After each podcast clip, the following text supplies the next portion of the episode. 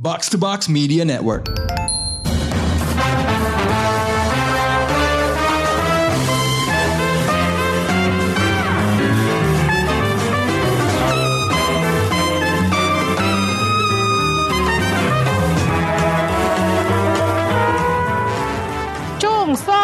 Alias hormat gerak kalau di militer Korea. Guys, di Korea Vaganza kali ini kita bakal membahas sebuah drakor yang booming banget tayang pertama kali di 2021 yaitu DP. Singkatan dari Deserters Pursuit, cerita drakor ini rada unik. Bukan tentang cinta-cintaan atau tentang cari duit atau tentang investigasi polisi, tapi tentang sebuah divisi di militer Korea Selatan yang tugasnya nangkepin orang-orang yang jadi desertir, alias orang-orang yang kabur dari kewajiban militer mereka. Sebenarnya cerita tentang wamil di Korea tuh kayaknya lumayan seru ya kalau digali. Kalau kita baca berita di media tuh kedengeran kan, ah anggota boyband ini ikut wamil jadi harus hiatus lama. Atau aktor yang ini udah selesai wamil jadi sekarang comeback. Nah salah satu cerita wamil yang gue paling inget tuh adalah tentang anggota HOT yang legendaris, Tony An. Dia jadi bro banget sama salah satu anggota boyband saingannya HOT, Chekis.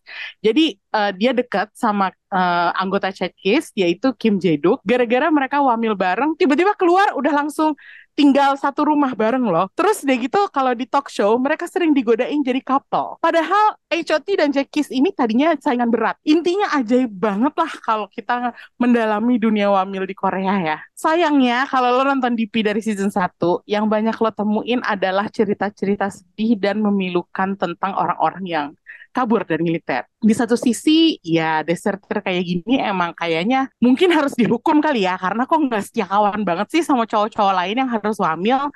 Tapi di sisi lain mereka tuh sering tertekan gitu ya, sering dibully, uh, harus bantuin keluarganya yang miskin atau gimana lah. Intinya banyak drama yang bisa digali dari kegiatan wajib militer, makanya lahirlah serial DP ini. Dan harus diakuin nonton DP itu rada susah kalau lo lagi nggak selera buat nonton yang sedih-sedih. Nah karena Showbox belum pernah bahas uh, season satunya DP, jadi di kesempatan kali ini gue pengen sedikit kilas balik ke season 1 bareng Krisna dan Priska. So guys, gimana nih? Pertama-tama gue pengen ngomongin soal formatnya dulu ya. Maksud gue ini kok serial agak aneh nih. 6 episode doang, tapi harusnya kan hmm, ini tuh apa dipecah kayak The Glory gitu. Harusnya part 1 dan part 2 tapi karena syutingnya kejauhan jadi dibikinnya season 1 season 2 gitu. Ini gue nggak ngerti nih formatting original drakor dari Netflix kayak gini emang pendek-pendek atau gimana sih? Sebenarnya ada yang bisa jelasin gak sih ke gue? Iya. Emang sih setelah selesai nonton terutama yang season 2 ini ya, memang apa ya terasa banget sih kalau uh, season 2 ini emang sesuatu yang udah disiapin kan. Terus ya kenapa dipecah ya mungkin ada pertimbangan ini juga sih kalau gue gue pikir kayak ngelihat respons penonton dulu gitu ya karena kan temanya yang lumayan berat kali gitu ya. Dan mm -hmm. ya mungkin itu juga sih ngelihat respon dulu. Cuman kalau dari cerita kan terasa emang sebenarnya ini kontinuitas banget gitu kan. Terus ke apalagi dari soal format ya Kalau soal format sih mungkin ini ya karena Netflix kan udah punya identitas dia tuh kalau ngerilis series kan selalu sekaligus gitu ya. Mm-mm. Tapi mungkin begitu ngelihat kayak drakor non ori yang dirilis tuh kan masih tetap weekly kan. Mm-mm. Dan terus ternyata conversationnya tuh bisa panjang banget berbulan-bulan tuh conversationnya kencang terus gitu kan. Mm. Nah kayak mereka pengen nih drakor ori mereka tuh juga kayak gini gitu punya conversation di media sosial yang panjang tapi kayaknya terlalu gengsi juga kalau misalnya terus ganti format yang udah jadi identitas mereka gitu terus mereka rilis weekly itu kayak mungkin gengsi juga kali ya. Makanya kayak story itu dipecah jadi dua part gitu. Tapi kalau yang ini sih mungkin ada pertimbangan cek pasar dulu kali ya. Mungkin karena uh, agak susah kali ya temanya. Ya ternyata booming kan cek Baru pasar nih menurut lo Chris itu nungguin responnya dari masyarakat Korea dari politisi dari dari militer atau gimana uh, menurut lo? Bisa juga tapi ya karena ini Netflix global ya ngeliat ini juga sih apa uh, pasar global sih terutama Asia kan. Hmm, hmm. karena wamil itu nggak banyak ya di di berbagai negara memang ada wamil Iya. konsepnya, tapi yang kayaknya jadi cerita utama kayak di Singapura aja sebenarnya wamil tuh ada kan, tapi Iya. kayaknya Iya. nggak se nggak sekenceng di Korea gitu. Jadi Iya. makanya mungkin itu ya yang jadi alasan kenapa harus ya cek ombak dulu gitu. Iya. Tapi ya benar ngelihat ini juga sih mungkin respons masyarakat Koreanya takut eh, mungkin terlalu apa ya kurang sensitif atau gimana gitu kan. Oh, oke. Menurut lo apakah ini salah satu eh, drakor yang masyarakat internasional suka dan tertarik, tapi di Korea sendiri kayak malah agak dibenci gitu.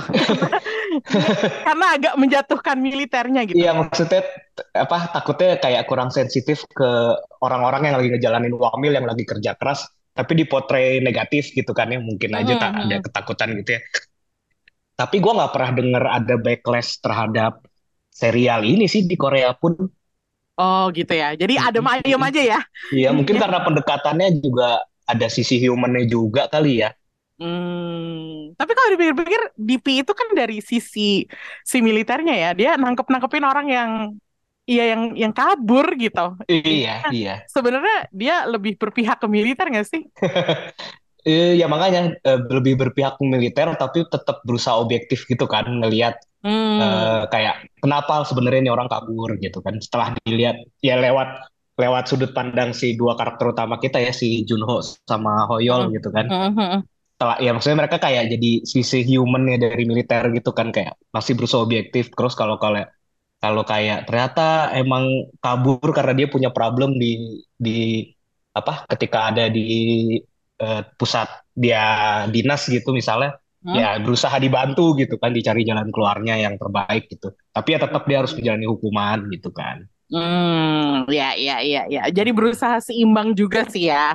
Iya. Emang nggak berusaha ya. Intinya adalah kata kuncinya adalah berusaha. walaupun tetap ada antagonisnya ya Ada, banyak banget. kita bahas lagi itu ya banyak banget antagonisnya men Iya, Em, iya. tapi sebelum kita masuk ke diskusi tentang ceritanya gue pengen tahu s- eh, Priska lo kan belum bisa dibilang di antara kita bertiga yang yang paling telat menemukan drakor tuh kan lo gitu dan lo menemukan drakor adalah dari Netflix gitu Ya. jadi seperti kata Krisna tadi formatnya Netflix tuh bukan format drakor pada umumnya apakah buat lo serial pendek-pendek gini kayak DP gini lebih gampang lo konsumsi Sebenarnya sama aja sih, balik lagi kayak availability aja ya.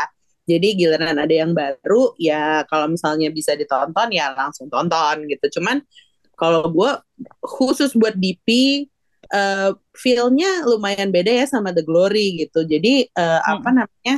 Eh, menurut gue ini kayak mereka udah mereka sebenarnya udah season 1 tuh udah mereka nggak nggak terlalu mau diterusin atau nggak ada rencana. Gue ngerasanya kayak gini ya kayak jadi kayak udah mereka emang mau bikinnya 6 episode di season pertama eh, ending gantung gitu yang kita ber- be- bertanya cuman kayak ya udah kasusnya sebenarnya udah selesai di episode terakhir tapi eh, Netflix bi Netflix ya emang kayak harus diterusin. Jadi gue nggak ngerasa kalau mereka udah bikin satu season 12 episode dan Hmm. emang sengaja dipotong. Kalau misalnya emang sengaja dipotong kayak gitu gue lebih make sense waktu The Glory.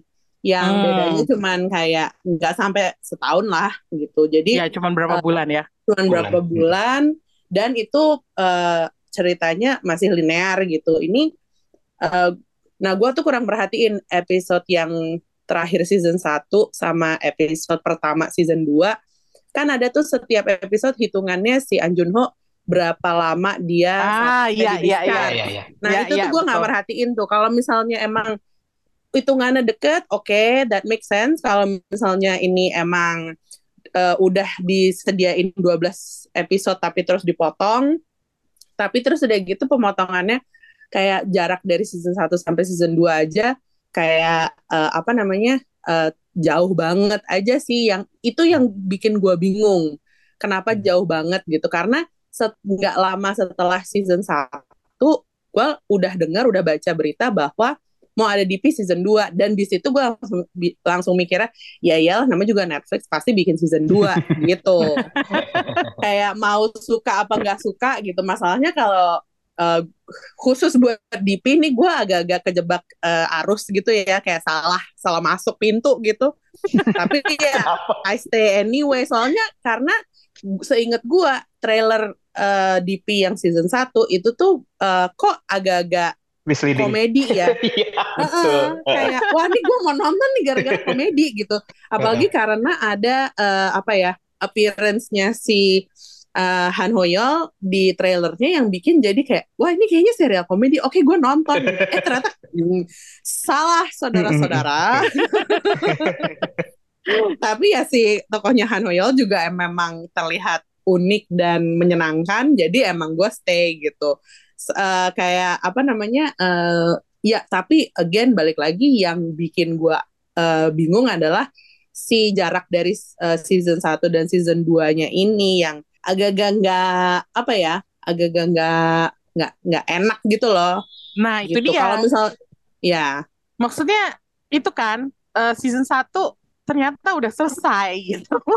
Karena karena secara prosedural mereka pun uh, apa namanya si uh, big case yang terakhirnya itu deserter yang terakhir itu sebenarnya udah kayak wrap up aja sih gitu. Seben walaupun kayak mungkin ada ada ada ini pertanyaan ada pertanyaan-pertanyaan yang kayak bikin kita gantung tapi juga nggak dibikin jadi cliffhanger makanya gue nggak ngerasa oh ini hmm. belum selesai gitu ya, ya, ya. kalau misalnya drakor cliffhanger pasti lo tahu banget lah kayak apa rasanya gitu ya kayak The Glory itu.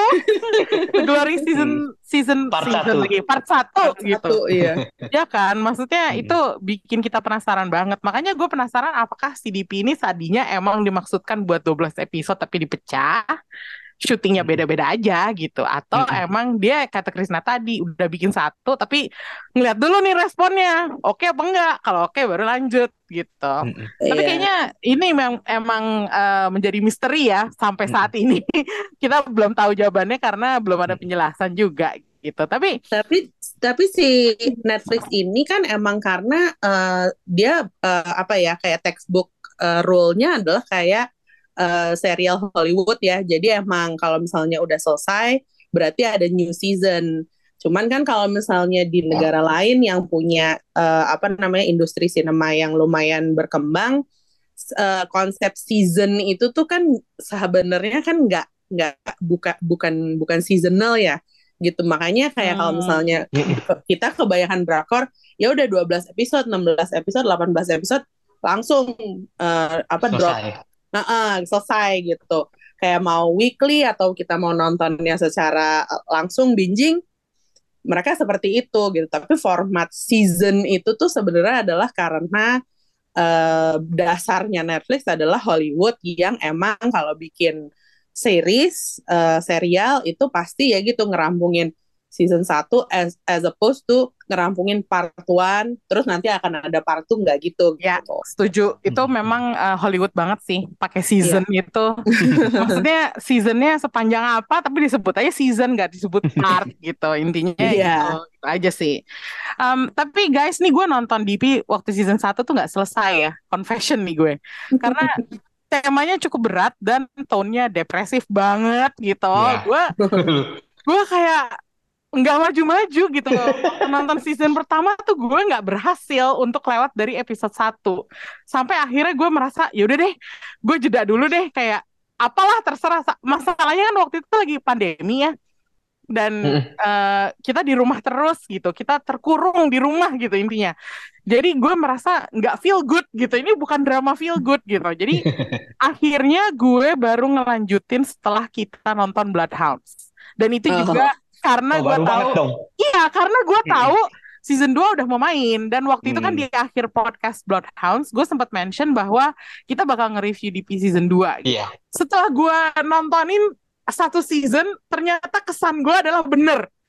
Depresi banget nonton season 1 meskipun apa ya? Meskipun emang ada humornya, tapi gue merasa sedihnya lebih banyak dan dengan ending yang kayak gitu, sang deserternya itu bunuh diri, nembak diri sendiri.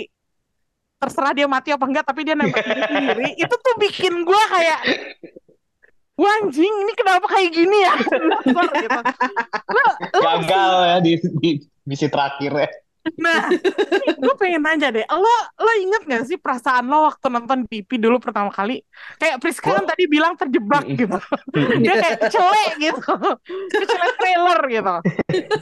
Gue sama, gua sama persis kayak si Priska. Gue sempet ngira kalau si drakor ini, si DP ini tuh isinya bakal lebih banyak kejar-kejaran seru-seruan gitu. Terus Iya. gue pikir ya kayak apa ya dramanya tuh kayak pasti ada dramanya, pasti ada bagian emosionalnya. Tapi gue pikir tuh bakal cuma jadi bumbu aja gitu. Terus kayak Iya. para deserternya tuh gue pikir apa ya kayak kabur tuh karena emang melakukan kesalahan atau apa gitu kan. Iya, iya, Tapi iya, kan, sama, uh-uh. sama. Tapi ternyata ya, ternyata alasan para deserternya ini apa ya pahit ya. Lebih dalam daripada Iya, kita malah- kira. Malah kita jadi bersimpati ke mereka dan kadang berharap mereka lepas gitu kan, lolos Iya. gitu kadang. Iya, iya, iya. Jadi ya ternyata emang jauh lebih powerful secara emosi sih. Tapi Iya, ya itu balik lagi, tapi balik lagi itu juga karena kita dikondisiin sama uh, serial-serial Hollywood yang uh, apa ya, yang uh, yang sebenarnya kayak dikejar, tanda kutip dikejar tuh kayak mereka jahat atau iya, iya, Uh, uh, iya, jadi gue juga punya persepsi sama gitu. Jadi bahwa kalau ini adalah procedural, ya lumayan agak agak detektif tapi militer style. Terus udah Mm-mm. gitu uh, apa namanya si deserters ini adalah orang-orang yang memang jahat. Tapi enggak itu dia yang jok. Ya itu istimewanya juga sih menurut gua. Ya betul. Oh, gitu ya. Ini jadi eh, jadi di atas ekspektasi gue ternyata karena nggak seperti yang kita kira aja gitu kan, nggak sesimpel kejar-kejaran ternyata. Iya betul betul. Tapi sekali. Berapa lama lo nyelesain season 1 guys? Gue 2 tahun loh. Nggak Gua selesai cepet. selesai. Gue Iya, gua cepet sih, gue sih. gue lumayan cepet sih. Berarti mental lo tangguh banget, Chris. Ya nggak tahu karena udah ke hook aja kali ya. Oh, oke. Heeh. Tapi lo nonton nggak pakai eh, apa ya? Rasa penasaran ala The Glory gitu kan? Beda beda Oh, ini beda ya. lebih ke eh, eh, beda beda sih apa ya lebih. Ya mungkin penasaran tapi memang ya gue cukup ini juga sih karena gue cukup ke hook sama si duo karakter utamanya ya. Si Hoyo Oh. sama Junho jadi gue penasaran juga sama apa ya ini Hmm. mereka ujungnya gimana nih setelah harus melewati misi-misi yang lumayan bikin mereka mix feeling kan sebenarnya. Iya. Hmm. Gue kalau gue waktu itu nonton lagi kayak everything else lagi shit gitu. Jadi kayak DP itu kayak oh ya lumayan bikin apa sih balancing emosi gitu ya. gue nontonnya gue nontonnya soalnya gue nontonnya nggak pas keluar banget gitu kayak masih ada apa sih ya kayak beberapa bulan setelah baru gue tonton dan langsung gue tonton habis. Itu juga karena eh, ya mungkin kayak feelingnya fe- feeling diri sendiri juga nge, apa eh, bikin gimana ya emosi kita terhadap apa yang kita tonton tuh eh, plays a part banget gitu cuman ya kayak kayak Amy bilang tadi lo tadi nontonnya kayak nggak nggak kuat rasanya ya emang emang nggak usah jangan ditonton Iya. kalau misalnya belum Iya, belum iya, kuat iya. hati gitu akan Cuman yang season jadinya. Heeh, season pertama tuh gue emang lagi kayak lagi eh semua di dunia ini tuh lagi eh gitu tapi tapi nonton DP kayak oh ya nggak apa-apa kok gitu. Padahal depresif. Iya. ada yang lebih shitty di depan gue Oh, jadi nggak seberapa ini ya. iya heeh. Kayaknya memang itu kuncinya ya untuk nonton DP season Iya. 1 bahkan season 2 sekalipun gitu. Harus Iya. kuat mental gitu, harus siap untuk menerima sebuah cerita yang pahit gitu. Jadi Iya. ya either lo harus eh, apa ya ke hook gitu kayak Krisna tadi bilang misalnya jadi bisa sanggup nyelesain atau kayak Priska yang lain ada yang lebih shitty lagi daripada daripada anggota apa orang-orang yang DP ini gitu. Nah, tapi sekarang kita masuk ke season 2 Tadinya apa yang lo expect dari season 2 ini? Bagian mana sih yang lo tunggu-tunggu gitu? Kalau misalnya gitu ya, Hmm. eh, apakah lo menantikan kepai- kepahitannya untuk berlanjut atau lo pengen lihat lebih lebih jauh lagi kehidupan militer atau pengen cuman pengen lihat konyolnya Han Hoyol gitu. Apa sih yang lo cari di season 2 ini? Eh, kalau gua sih dibanding ekspektasi sebenarnya lebih ke khawatir sih sebenarnya. Wah, Oh. kenapa khawatir? Karena season 1 kan apa ya ce- eh, cenderung episodik kan. Iya. Dia terdiri dari berbagai kasus gitu. Nah, gue sempet takut season 2 ini tuh kayak cuman pengulangan aja gitu. Cuman kasus-kasus Ah. baru. Nah, terus kayak takutnya jadi apa ya? Jadi nggak sepowerful itu lagi karena udah familiar gitu dan ngebosenin gitu. Tapi ternyata gue salah sih. Ah, Karena iya, iya, iya. ya menurut gue ceritanya lumayan berhasil dinaikin sih. Terus kayak karena kan ini sekarang kan mereka yang apa ya? Kayak eh, udah ngelawan sistemnya gitu kan, berusaha ngelawan Iya. sistemnya gitu dan Hmm, institusinya. Terus ada beberapa karakter juga yang coba dikembangin lah gitu. Terus ya kasusnya juga mungkin kalau menurut gua ada beberapa kasus di sini yang coba menyorot sesuatu yang belum dibahas di season 1. Itu sih jadi Hmm, menurut ya. gua cukup berhasil sih season 2 ini. Oke. Kalau lo Pris, eh, ekspektasi eh, atau harapan yang tadinya lo pikir lo bakal lihat di season 2 itu gimana? Eh, jujur gue nggak expect apa-apa karena eh, udah eh, terlalu jauh dari semenjak gue nonton season 1 tapi kalaupun misalnya yang gue tunggu-tunggu sih pastinya di season 2 si performance-nya eh, Ko Gyuhan ya yang jadi Han Huyol Ya. itu karena favorit gue banget dan dia di season 1 tuh emang kayak buset nih orang ada aja kayak gini dan gue pengen gue pengen ada feeling itu lagi tapi ternyata dia exceed expectations yang jadi kayak wah ternyata di sini lebih amazing lagi performance-nya menurut gue Ini si Ko Jadi- Bi-hwan tuh kenapa ya? Dia dia ternyata he's a really top actor yang Yes, Talentnya benar, tuh- setuju. iya kan Iya. talentnya ternyata gede banget gitu. Iya, jadi tapi kayak kayak gimana ya? Dia dia tampangnya kayak your best friend. Tapi mainnya udah kayak lu udah eh, tolong dikasih baik sang award aja silahkan. Setuju. Tapi terus udah gitu eh, apa ya? Performance-nya dia tuh juga nggak monoton yang nggak ngaco aja, nggak ngaco doang. Tapi nggak cuman serius aja, tapi kita bisa ngerasain dia kesian, tapi dia kayak dia sakit hati, kita juga ikut sakit hati. Jadi gue nggak paham sih ini manusia eh, apa namanya? Gue pengen banget sih jadi best friend-nya dia, gitu. karena dia talented banget gitu loh. Iya.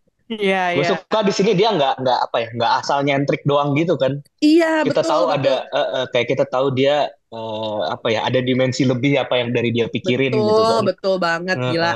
Kalau misalnya gue yang ngurus baik sahur, gue kasih deh nih yang top award, gue kasih ke dia. Wah, oke. Berarti eh, penampilan Ko Gyuhan yang lo tunggu-tunggu ya, Pris. Dan lo Iya. dapet itu bahkan lebih dari Yes. pasti lo. Oke. Nah, kita ngelanjut, ngelanjutin cerita dari season 1 nih. Season 2 tuh dibuka dengan aksi penembakan Kim Ruri di markasnya. Itu kan udah ada ya di akhir Iya. season 1. Eh, sepertinya di season 1 tuh cuman cuman kayak tempelan doang gitu. Eh, Iya. Sesuatu yang bikin ceritanya cliffhanger gitu. Eh, padahal gue waktu nonton itu adegan itu di season 1 gue nggak merasa itu cliffhanger itu hanya kayak semacam ironi gitu kayak wah setelah capek-capek ada lagi nih yang kayak gini. Kayak ini ya eh, belum beres kalau Iya, sistemnya belum Iya, belum beres beres gitu. betul gitu. Tapi yang menarik juga melihat bahwa ternyata nyambungnya tuh sama si Kim Ruri ini karena dia temenan sama si deserter Cho Suk Bong yang menutup season 1 dengan cara yang sangat iya, benar. traumatis. Hmm. Menembak dirinya sendiri di wajah sampai akhirnya Han Hoyo sekalipun jadi nggak bisa ngomong gitu. Iya, Itu Trauma. trauma. dan apa ya menarik banget ngelihat tipenya sama-sama nih si Sukbong sama si Ruri mereka berdua kan mirip gitu ya suka anime atau manga rada geeky terus ya intinya mereka bukan orang-orang yang alpha male lah bukan orang-orang yang apa ya yang sosial gitu. Mereka kepribadiannya halus sopan eh, terus tiba-tiba berubah karena mereka mengalami wamil gitu. Eh Eh, Menurut lo, apakah ini realistis dengan menggambarkan orang yang tadinya pemalu dan pendiam itu tiba-tiba jadi kayak gini?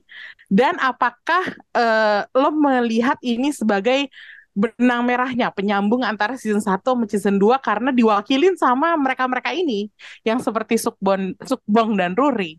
hmm, iya sih, mau, mau gimana ya?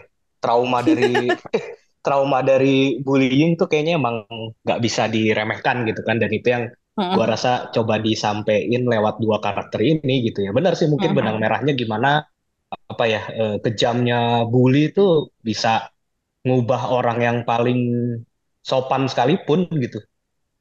Dan Hmm. itu apa ya? Tragis kan jadinya, sedih gitu ngelihatnya.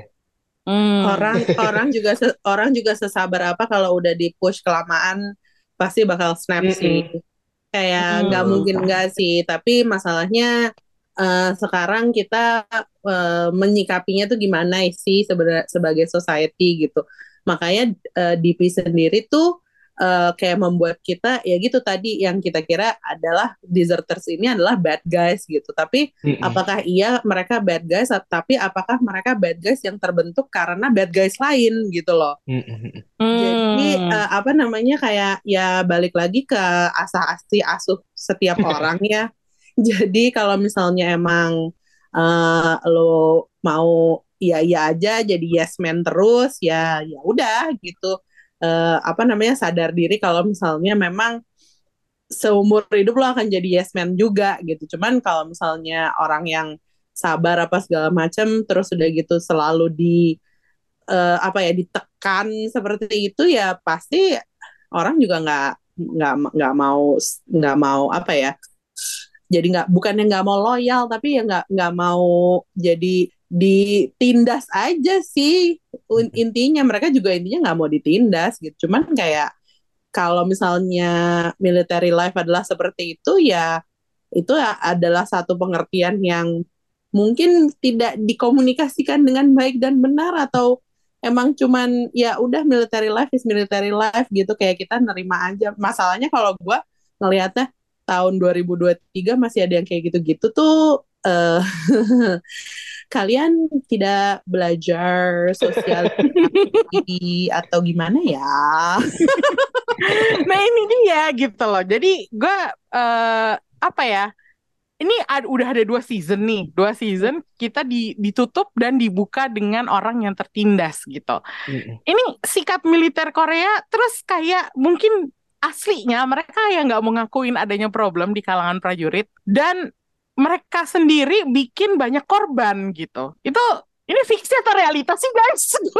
Tahu deh. Waduh, gua nggak tahu juga ya. Karena kan apa ya? eh, ada juga kayak misalnya ya itulah Bloodhound gitu. Di situ kan Hmm. justru ditampilin Wamil akhirnya menciptakan brotherhood yang sangat kuat gitu kan. Iya.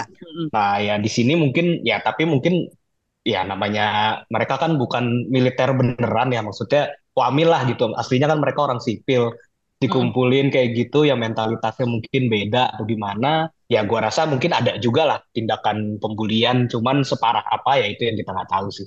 Hmm. Mm-mm. gue itu punya teman yang kalau di Indonesia kan pastinya kita bukan wajib militer ya cuman Mm-mm. kayak yang tadi Krisna bilang orang-orang ini adalah orang-orang sipil yang memang me- wajib melakukan sesuatu buat negaranya.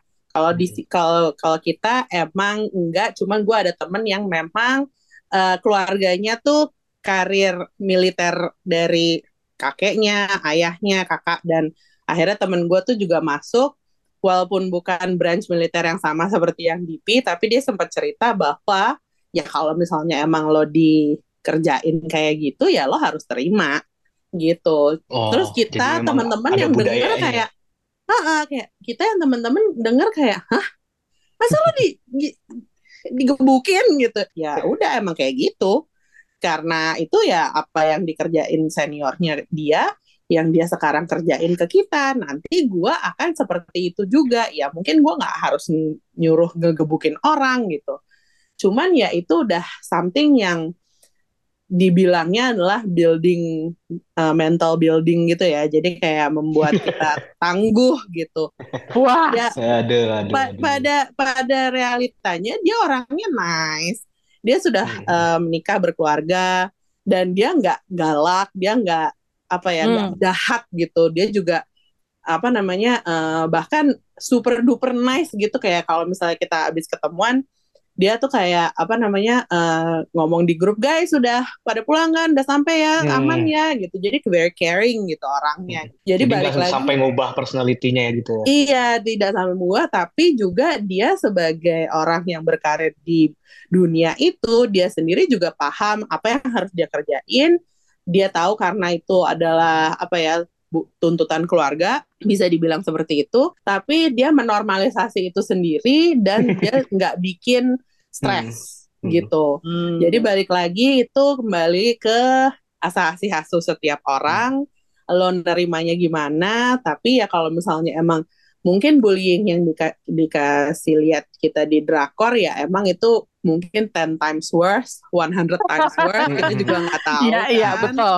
Drama Gitu. soalnya gitu ya. Ini kan namanya juga drakor drama gitu, dramatisasi cerita ya kita Ya. juga apa mau ngejudge-nya dibandingin apple to apple sama re- real life ya kita juga nggak tahu kita cuma tahu. tahu Eh, kita cuma tahu sekelibatan doang Hmm. dari cerita-cerita yang kayak gitu tapi kalau misalnya mau apa ya eh, menutupi cerita di eh, kalangan militer atau di sekolah militer or whatever gitu ya mungkin ada sisi itunya. Kita kita juga nggak pernah tahu kita nggak nyari tahu.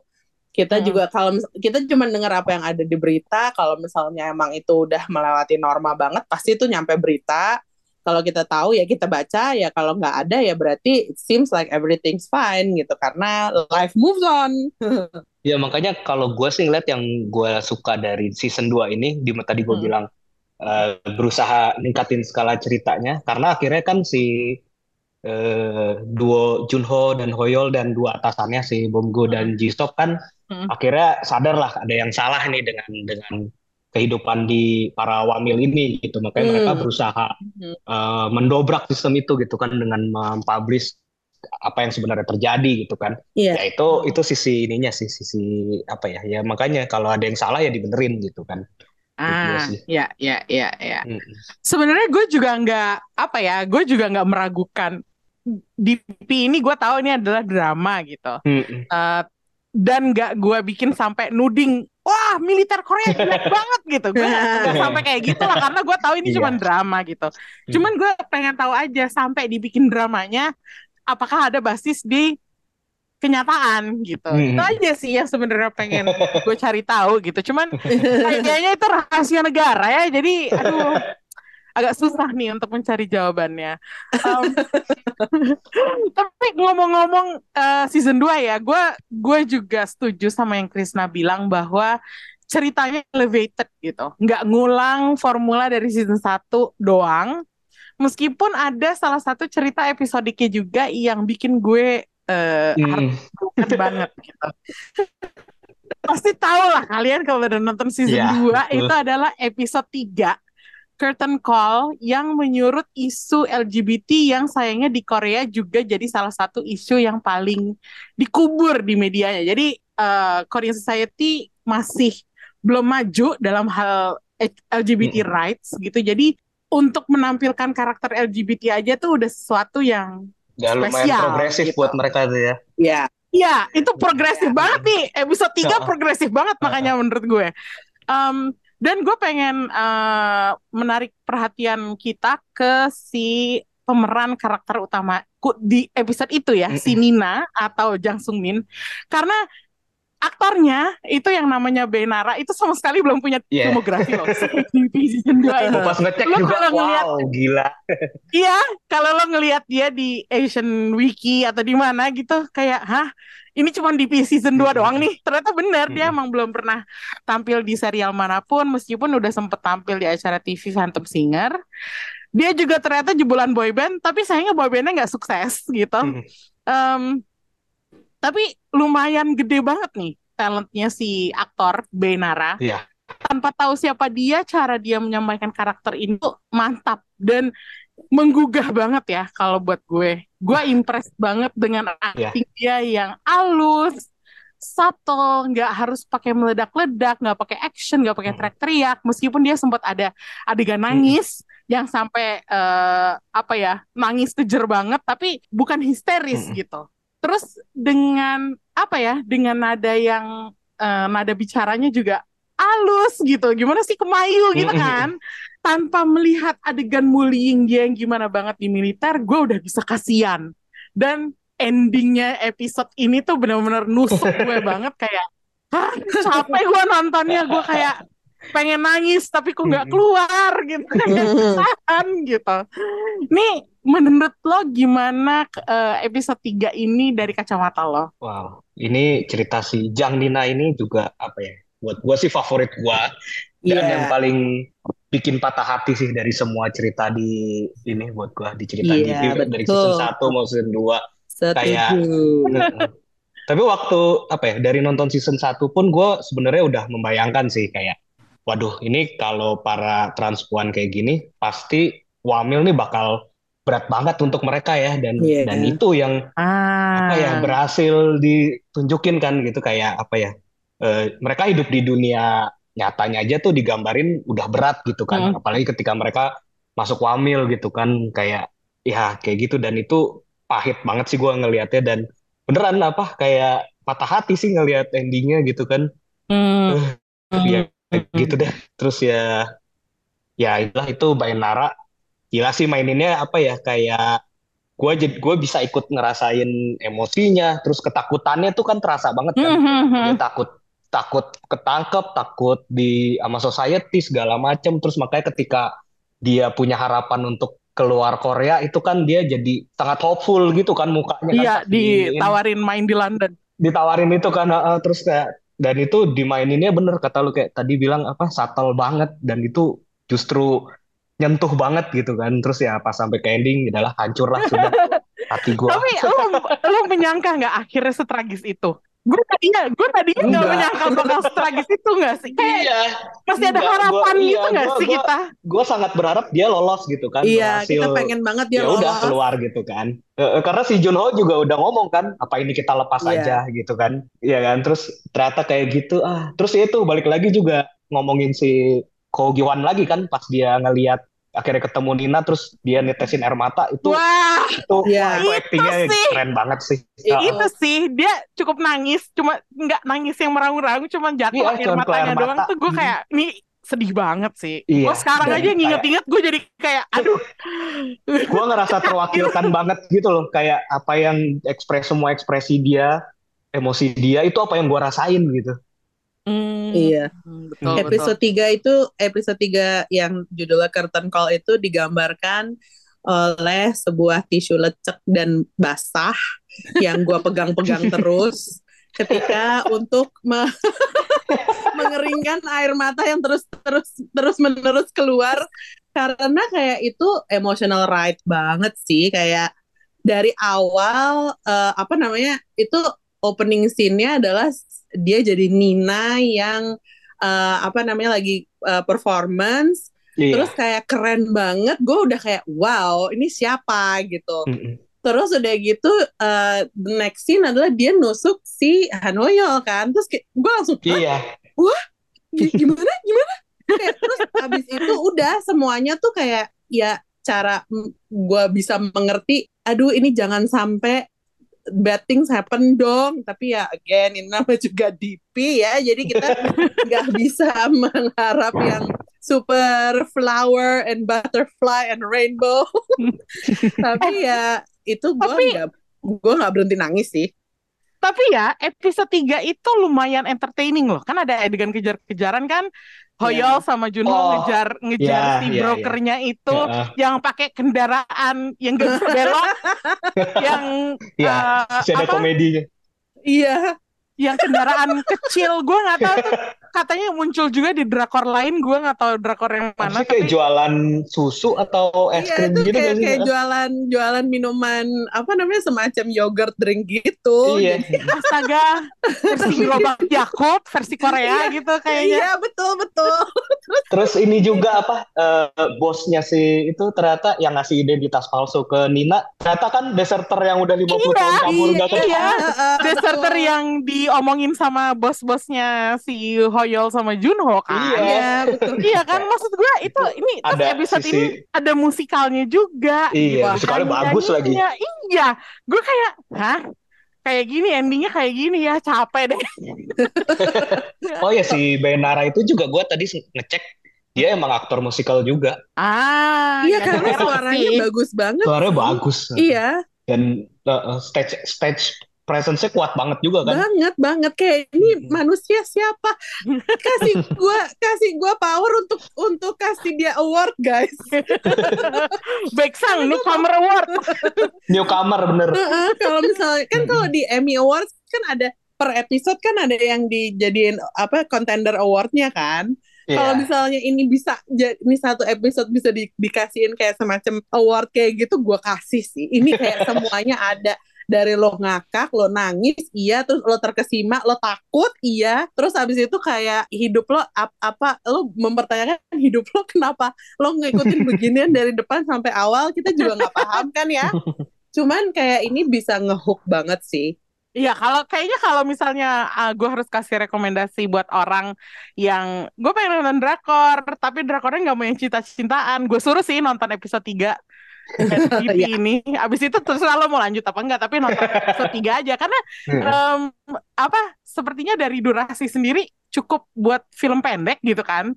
Iya. Iya. Eh, dan apa ya? em, kayak ceritanya utuh aja gitu. Mm-mm. Enggak Iya, iya. bukan cerita yang dibikin ada cliffhanger. Emang ceritanya hanya tentang si Nina ini, tapi juga nggambarin gimana ya kadang-kadang lo nggak bisa menang lawan Iya. sistem. Intinya Iya. ya udah sistem adalah ya udah sih. Emang Itu jalannya masih panjang untuk dunia yang ideal. Betul, Iya, itu betul. aduh sedih banget sih itu. Kayak Mm. wow.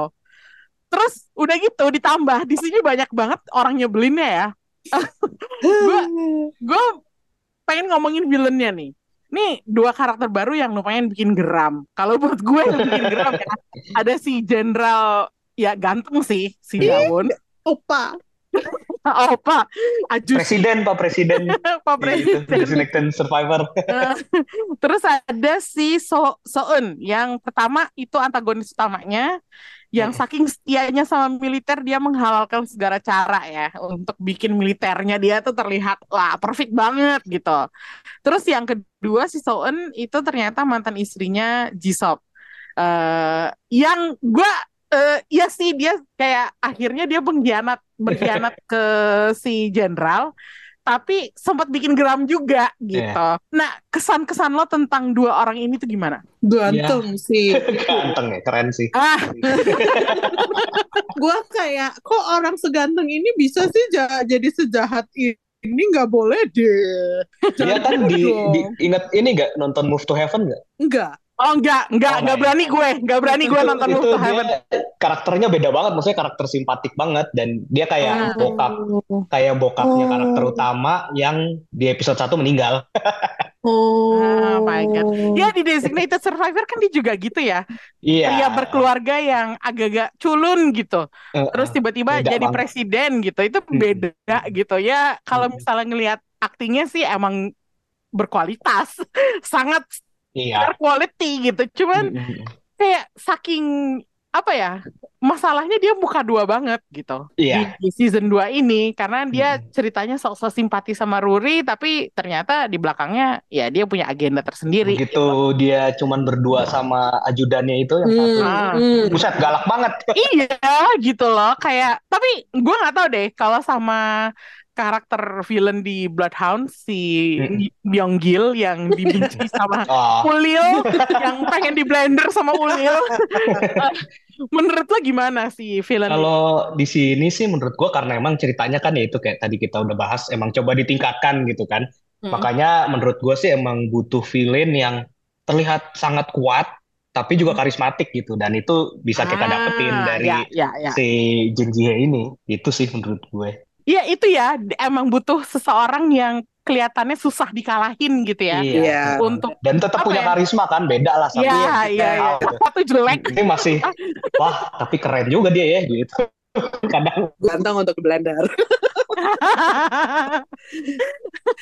Tapi yang gua yang yang gua eh, surprise adalah bahwa si tokoh yang namanya Seun itu akhirnya dia kayak mau membelot aja gitu. Jadi kayak kayak in your face, I'll stick it to the man kayak gitu. Cuman kayak apa namanya? eh, mungkin eh, apa ya dia terekspos terlalu halus kali ya. Jadi transisi dari apa namanya eh, lawyer yang ngedefend uh, si deserternya itu apa maksudnya si kasus desert uh, gue nggak terlalu apa ya nggak yang akan Setuju, gue setuju. jadi berubah gitu cuman kayak gue nggak yang yang ngerjain semua itu balik lagi masih si dua bro kita ini si An Junho sama Han Hoyo gitu kayak Ya, mereka ya. yang ngurusin eh, apa namanya dirty worknya tuh ada di mereka jadi kita nggak ngelihat kalau misalnya si Se, apa namanya Seunnya ini nih jadi kayak hero-nya juga ya, gitu ya. loh kayak Mm. kebetulan Hmm. dia emang bisa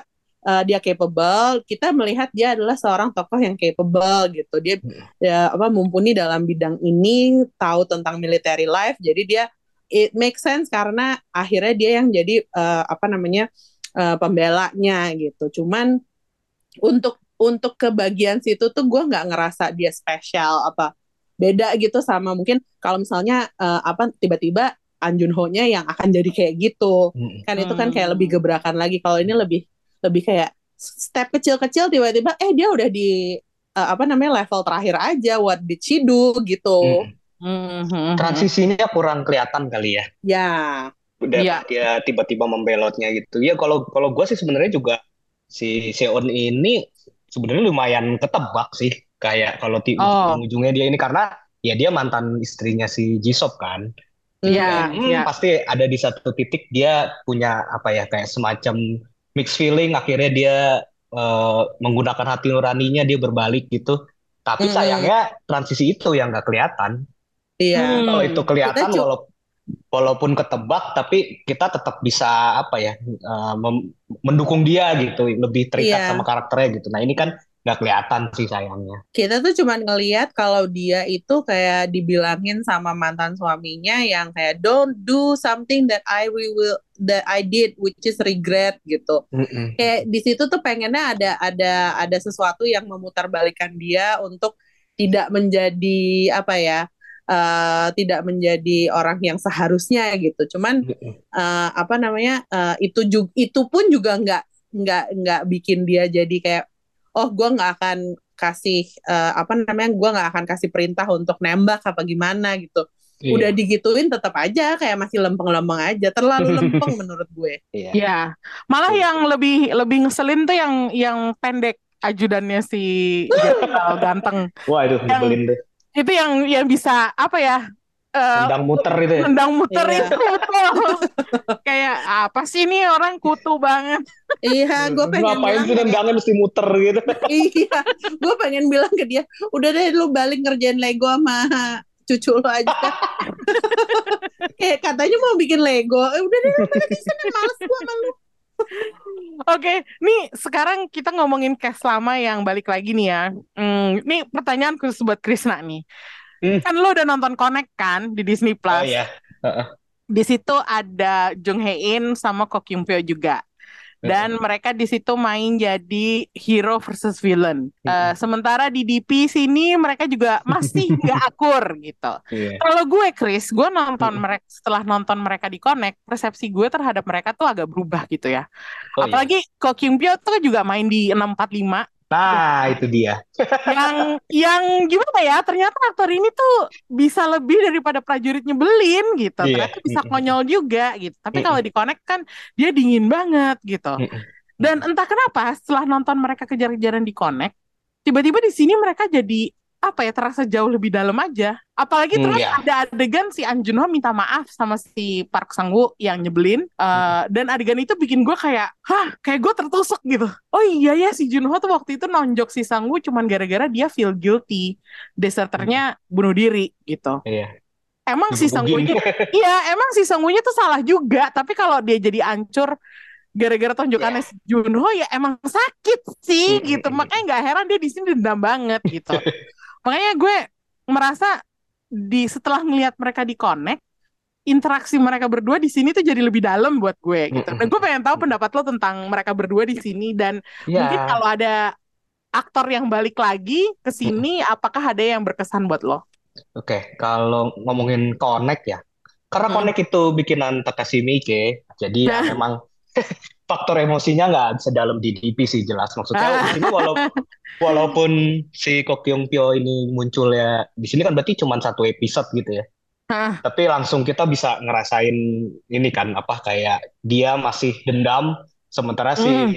Juhei ini tuh ada sedikit terasa bersalah oh dulu dia udah mukulin gitu kan Mhm. nah itu ya emang terasa jauh lebih dalam sih tapi ya khusus untuk ke Ko Kokyung Pyo sih gue apa ya makin terkesan sih sebenarnya sama race actingnya dia gitu maksudnya Ah. dulu dulu gue suka banget sama karakter dia di Reply gitu kan Mhm. terus tiba-tiba jadi sebel banget sama dia di season 1 sama di Connect gitu Hmm. eh terus sempet jadi apa ya kayak oh ternyata dia bisa goblok banget di 645 eh di sini balik lagi nyebelin Iya kan? ya Jadi kayak eh, eh, mukanya tuh emang ekspresinya apa tuh bisa ke mana-mana sih bisa jadi super nyebelin bisa jadi super konyol itu keren sih Hmm, oke. Berarti Mm-mm. ini dia balik ke sini bukan bukan percuma ya, bukan cuman ah kita balikin aja eh nih karakter lama dari iya 1 gitu. biar ada adegan berantemnya gitu ya kayak Heeh. raja terakhir se- pasti itunya mau kabur gitu ya kayak Heeh. ya, tapi ya untungnya ada bobot emosinya sih tetap dari berantemnya mereka itu kalau menurut gue Hmm, oke. Mm-mm. Ada ada yang lain lagi nggak aktor yang balik dari season oh pertama, iya season kedua yang Eh, berkesan buat karena lo? karena gue anggota fans club Sonsuku Aku juga. Iya, karena dia itu, jadi gue lumayan menunggu baliknya si Jisop ini sih, Ter- karena kan di season 1 dia cukup nyebelin juga ya, karena dia kan Iya. apa sih yang lumayan antagonis karena dia males urusan jadi panjang, jadi suka nutup-nutupin gitu. Karena di sini iya, iya, ternyata iya. kasus terakhir tuh cukup inilah akhirnya mengusik hati nurani dia makanya gue suka sih di sini akhirnya dia karakternya bisa lebih berkembang gitu ya terus ternyata dia juga ini bisa kompak banget kan sama si bos satunya Ya. tuh si Park Bom Gu-nya Kim Sung Kyun Mm-mm. jadinya kita dapat duo ini deh dapat dua duet deh Bener sih, gue setuju sama Krisna kita dapet duo yang bromance yang versi tuanya sama nih kayaknya sama Bloodhounds ada bromance yang versi muda sama versi dewasa Oh iya, gitu, yang versi itu versi tuanya gitu. Tapi eh, kalau gue sih tertarik ya eh, melihat ada episode yang episode 4 ya. Di situ Jisopnya tuh itu apa ya? Episode itu tuh kok Jisopnya jadi kayak korban. Ya nggak sih? Dia kayak Hmm, kena tipu gitu. iya karena kasusnya personal ke dia kan gitu Iya.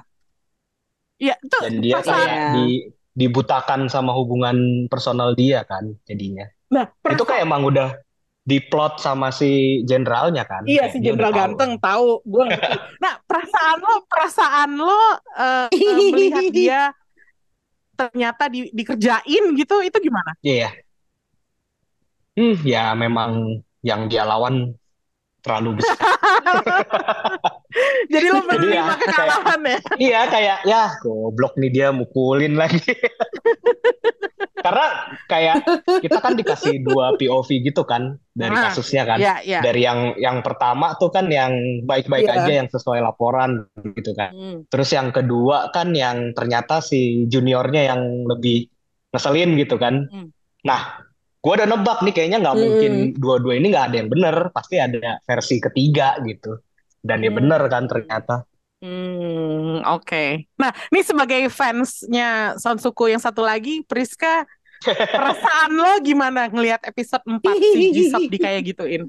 Mungkin gue tuh kalau misalnya sama kalian adalah orang yang kayak terima beres. Jadi cuman kayak ya ini aja kali ya. karena gue karena gue kayak ngelihat dia tuh kayak oh I love you so much ah, ternyata ada ulil satu lagi di antara kita. gue soalnya ngelihat dia kayak gue udah ngefans kan dari dia ada, ada di Sense 8 ya. Oh iya. Jadi gue ngelihat dia tuh setiap kali ada ngelihat dia kayak wah ada dia. Wah. Dan di sini jauh lebih banyak kan dia. Iya, heeh. dan dia tuh juga gitu, dia tipe aktor yang chameleon banget kan, yang bisa Iya, lumayan. mainin seorang yang lo pengen ngebela dia, lo sebel sama dia juga, tapi ya gitu, ini BP juga ngebawa si tokohnya uh, Jisop ini nih jadi kayak, ini bukannya tadi dia nyebelin ya, kok dia jadi nggak mau dia kalah sih? Lo gimana sih? Jadi dia sebenarnya jahat apa enggak? Tapi gimana ya? Kan gue gitu gue gue tuh cuman kayak gue kalau nonton kayak gini-gini tuh selalu kayak check my emotions gitu loh kayak kita tuh seharusnya marah atau kesal sih sama dia tapi nggak nggak juga gimana dong gitu Hmm. jadi karena apa menurut gue dia eh, ini dia nih yang yang yang kenapa gue juga agak agak-agak heran season 1 season 2 nih eh, growth-nya dari tokoh yang si eh, Im Ji Sop sama Park Bum Gu-nya ini kok apa ya kayak eh, lebih terbentuk lebih mereka otoritasnya tuh lebih kayak eh, terlihat gitu dibandingin Iya. yang season 1 tuh cuman tukang nguruh yang pokoknya terima beres gitu. Mm-mm. Jadi eh, apa namanya in- ini yang bikin gue jadi bingung juga. Kita tuh sebenarnya harusnya eh, on whose side sih? Kayak apakah kita harus eh, apa namanya eh, melihat si Jisop ini eh, apa orang yang juga tertindas, tapi enggak juga gitu. Mm-mm. Itu dia yang yang yang gue juga nggak bisa definit mendefinisikan dia sebagai apa ya yang hero juga enggak tapi at the end dia juga jadinya hero karena dia kan yang kasih kesaksian kan di Iya. eh, apa namanya Pengadilan. kasus eh, eh, di pengadilannya gitu Eh, dan itu tuh yang apa ya yang tadinya gue nggak gue juga nggak kira dia bakal balik lagi tapi ternyata ada dan ketika ada gue jadi apa ya suka karena eh, dari da kalau kalau dia tuh kayak dari yang someone I hate sampai jadi tokoh yang Hmm. someone I love gitu loh Mm-mm, mm-mm. jadi itu sih yang mungkin emang DP ini membuat kita ngelihat beberapa sisi orang tuh dari POV yang berbeda aja sih. Gue setuju sih. Eh, meskipun ada satu karakter yang balik lagi dan eh, apa ya, gue merasa agak ambigu juga sama karakter ini. Hmm. Yang gue omongin itu adalah si cewek yang kabur bawa duitnya DP, si Oh. Yoko, yang diperanin sama Won Ji An. Eh, sepertinya dia tuh di framing sebagai love interestnya Junho. Iya. Tapi gue nggak setuju kalau dia jadi love interest Junho gitu. gue lihat ada beberapa review yang bilang bahwa ah gue pengen lihat Junho sama Young Ok gitu. Tapi kalau gue enggak, nggak perlu gitu.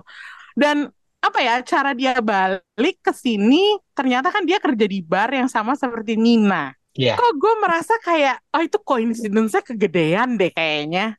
Kayak Ya oke, dia emang kabur. Waktu itu dia emang kabur untuk melarikan diri bawa duit orang. Tapi ya masa nongolnya juga di bar yang sama seperti deserter ini muncul gitu. Terus Jadi nyelamatin merasa- lagi ya nyelamatin si Iya nyelamatin. heeh. Terus udah gitu gue kayak apa ya? Eh ini agak janggal gitu cara kembalinya. Tapi yang gue apresiasi adalah obrolan dia sama si Nina. Nah, Gitu. betul.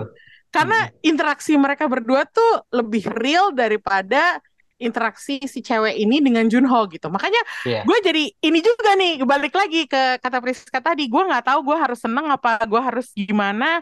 Jadi Iya. persep- persepsi gue terhadap karakter ini tuh agak-agak apa ya ambigu gitu. Karena ya di satu sisi gue nggak suka cara dia ditampilin, tapi di sisi lain dia jadi supporting karakter yang bagus buat karakter lain gitu Iya betul. yang yang gue suka gitu makanya agak agak susah ya untuk menentukan eh, perasaan terhadap beberapa karakter tertentu yang balik lagi gitu. Kalau kalau bom gue sama Jisop balik itu kayaknya lebih natural karena ya emang mereka ceritanya ada dari season 1 gitu.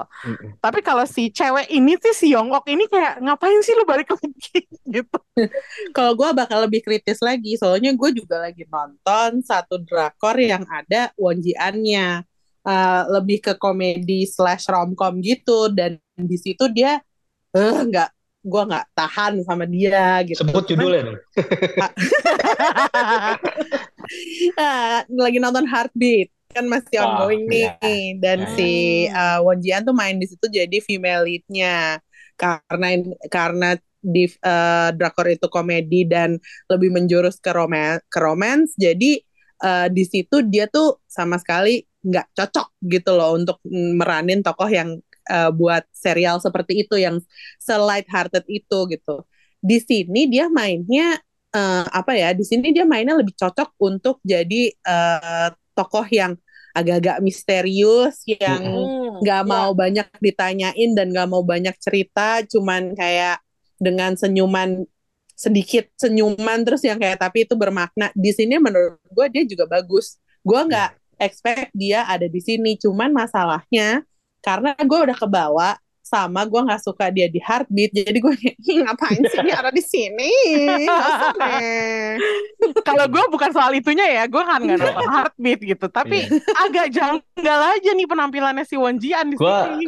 Gue 100% hampir sama sih kayak lu nih soal si Young Ok maksudnya.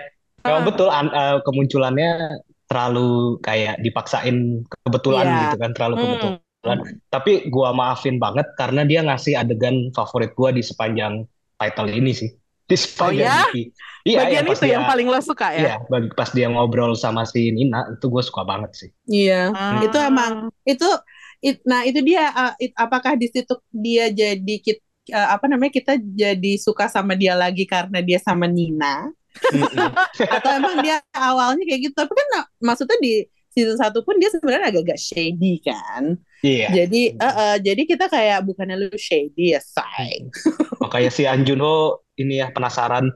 iya uh, Tapi itu lagi Chris, maksud gue ngapain sih lo paksain An Junho sama dia gitu? Ya, Oh lebih cocok dia jadi ya udah jadi temannya Nina aja gitu yang Iya. nyelamatin yang yang apa ya mensupport si karakter utama di episode itu gitu. Makanya apa ya kadang-kadang tuh kalau sekedar balikin karakter dari season sebelumnya untuk hanya apa untuk faktor oh jadi jadi aksesoris cantik gitu kayaknya gue nggak setuju gitu makanya iya, ini iya. gue merasa agak terganggu ya dengan penampilannya si Young Ok di sini. Tapi Mm-mm. untungnya ya itu yang lo bilang tadi, dia dikasih scene sama Nina Mm-mm. gitu. Jadi akhirnya adegan itu bikin bikin episodenya makin dalam kan. Iya. iya Jadi ya itulah intinya eh, terselamatkan terselamatkan oleh adegan bersama Nina intinya. Tertolong si Baenaranya. Betul.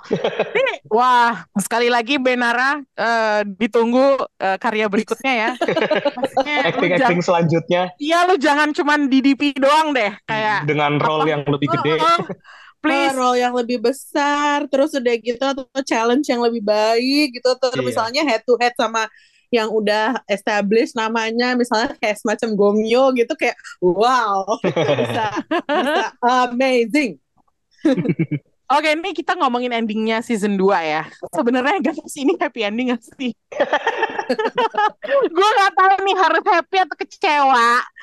Karena ya kata si jenderal ya mereka seri. Terus pihak DP bukannya menang. Meskipun ada bukti di USB, masih banyak kasus yang harus ditinjau ulang. Jadi intinya pihak militer masih tetap belum bertanggung jawab atas kasus-kasus abuse yang terjadi. Ditambah lagi adegan terakhirnya Pan Hoyo sama Anjuho kayak putus hubungan. Gue Gak mau dikontak.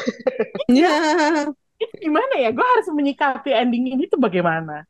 Maksudnya ya udah sih emang harus diterima aja toh udah kejadian gitu. Cuman Hmm. boleh nggak sih gue bilang gue mengharapkan sesuatu yang lebih dari sini atau begini ha- begini Eh. harusnya gitu. Iya, iya. endingnya tuh bikin eh, kita tuh persepsinya gini aja life has to move on even if you cannot Iya, gitu sesimpel Uh-uh. itu ya. sesimpel itu karena bukannya apa ya bukannya kayak ada big bad yang ditangkap apa gimana cuman tuh Hmm. kayak yang penting kayaknya fokusnya adalah tokoh-tokoh itu yang diceritain itu tuh punya cari ketenangannya masing-masing deh gitu. Mm-mm. Gue sih ngeliatnya Iya. lebih kayak gitu ya daripada kayak ini happy apa enggak karena obviously si An Jun Ho kan nggak happy di eh, apa namanya wamilnya dia ini gitu loh. Hmm. Tapi at the same time kita juga udah ngeliat eh, along the way dia ternyata masih berhubungan masih bisa menghubungi dan berhubungan sama eh, ibunya. Jadi masih ada lah di situ gitu. Jadi kita udah dikasih apa ya, udah dikasih sisipan-sisipan di mana sebenarnya semua ini tuh setiap orang udah punya jalurnya masing-masing aja dan asal mereka tenang dengan apa yang udah kejadian sama mereka, mereka bisa menerima. Bahkan at the apa namanya in the end kan si Park Bom Goo walaupun dia di penjara dia sendiri kayak ya udah gitu. Kayak lo Hmm. datengin gua kan kita juga nggak ada bad feeling apa kita juga nggak berantem dia juga nggak suffering di penjara masih gitu loh. Kita nggak ngeliat itu. Jadi tenang dalam tenang dalam eh, apa ya eksistensi mereka sendiri-sendiri sih kalau gue sih ngeliatnya gitu Hmm. Uh, kalau menurut gue sih seri itu emang udah kata yang paling pas sih. Karena Hmm. apa ya? Ya realitanya sistem sama institusi yang coba mereka dobrak dan lawan itu kan emang terlalu gede ya.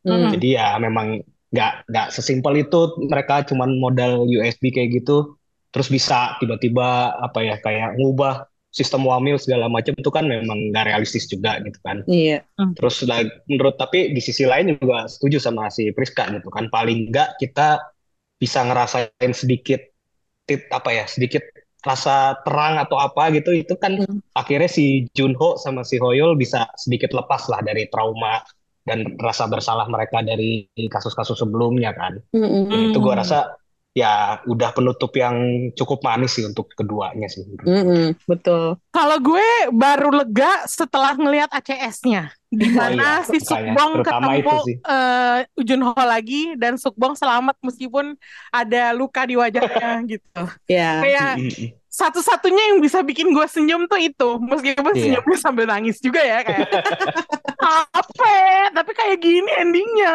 gitu. Kayak gimana ya? Gue memang nggak minta happy ending banget sih. Cuman kok gue rasanya agak-agak setelah nonton tuh agak hampa gitu. Jadi apa ya? Eh gue Mungkin berharap hampanya karena nggak ketemu mereka lagi kali.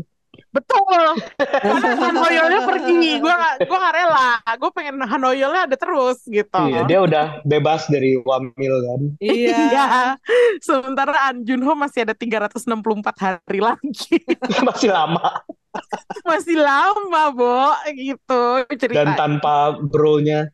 Iya, tanpa Iya. gue. Terus gantinya kan agak-agak apa Nyebelin. ya nyebelin gitu si Mm-mm. Park Seungnya itu itu kayak aduh terus gue jadi khawatir sama nasib Junho bisa bertahan setahun lagi tanpa Han Hoyol tuh gimana ceritanya gitu tapi berandai-andai ya kalau berandai-andai gue sih kayaknya sih nggak mungkin sih mereka eh, off kontak kayak Eh. pastilah ada inilah email-emailan gitu. Paling nggak pas si Junho selesai tugasnya pasti orang pertama yang dia samperin Hoyol sih.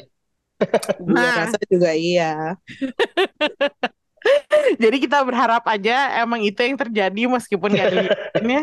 Em, Kan si Hoyol nggak mau dihubunginnya cuman selama si Junho masih di Militer doang. Iya. Iya.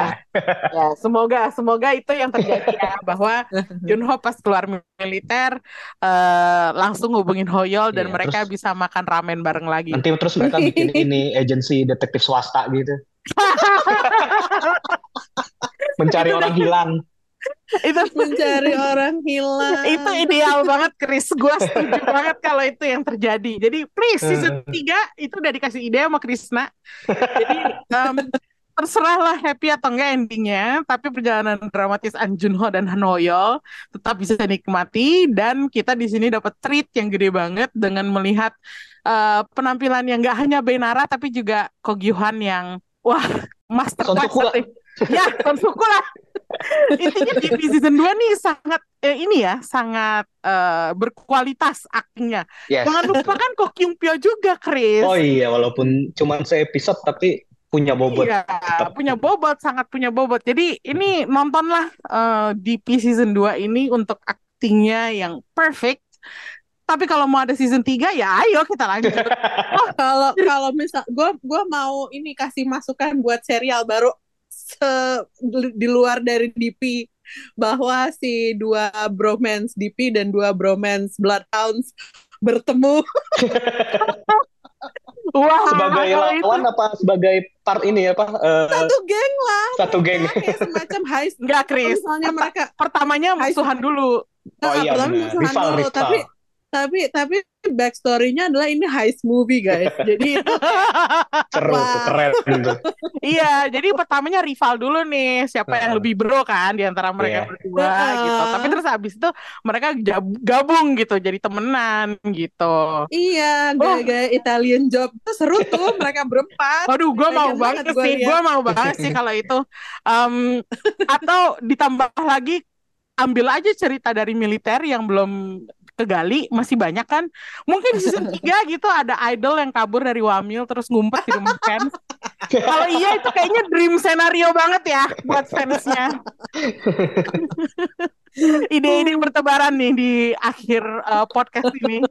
Uh, tapi ya udah deh kalau nggak ada season 3 juga ya udah terima-terima aja udah cukup kita Hmm. nelen yang pahit-pahit intinya eh Anjun Ho masih harus 364 hari lagi Semoga kuat ya. semoga kuat nih Semangat, fighting. guys kalau lo capek nonton DP terus pengen break dulu lo bisa nonton Military Prosecutor Doberman pacarnya Jisoo si Oh. An Hyun itu main di situ dan eh tone-nya kocak kalau yang ini beneran kocak banyak Hmm. action banyak humor gitu dan akhirnya jelas ada sesu- sesuatu yang eh, dikalahkan pihak jahatnya kalah dan pihak baiknya menang jadi kalau lo pengen nyari sesuatu yang lebih eh, konvensional daripada DP, Lebih light. lebih light gitu, tapi Hmm. penuh dengan penampilan yang orang-orang cakep juga gitu, itu adalah military prosecutor Doberman. Atau kalau misalnya lo mau yang mendayu-dayu dan agak romantis ya Descendants of the Sun, tapi tapi intinya banyak lah yang bisa Hmm. lo gunakan untuk binging, untuk break di tengah-tengah binging eh, DP yang pahit ini gitu. Jadi Nggak tentara yang lebih fun lah ya. Betul, tentara yang lebih bersih juga gitu. Iya, iya, iya. Segitu aja review Korea Vaganza kita kali ini. Showbox bakal balik lagi dengan Korea Vaganza lain yang seru juga di bulan ini. Tapi untuk sekarang kita pamit dulu. See you and bye-bye.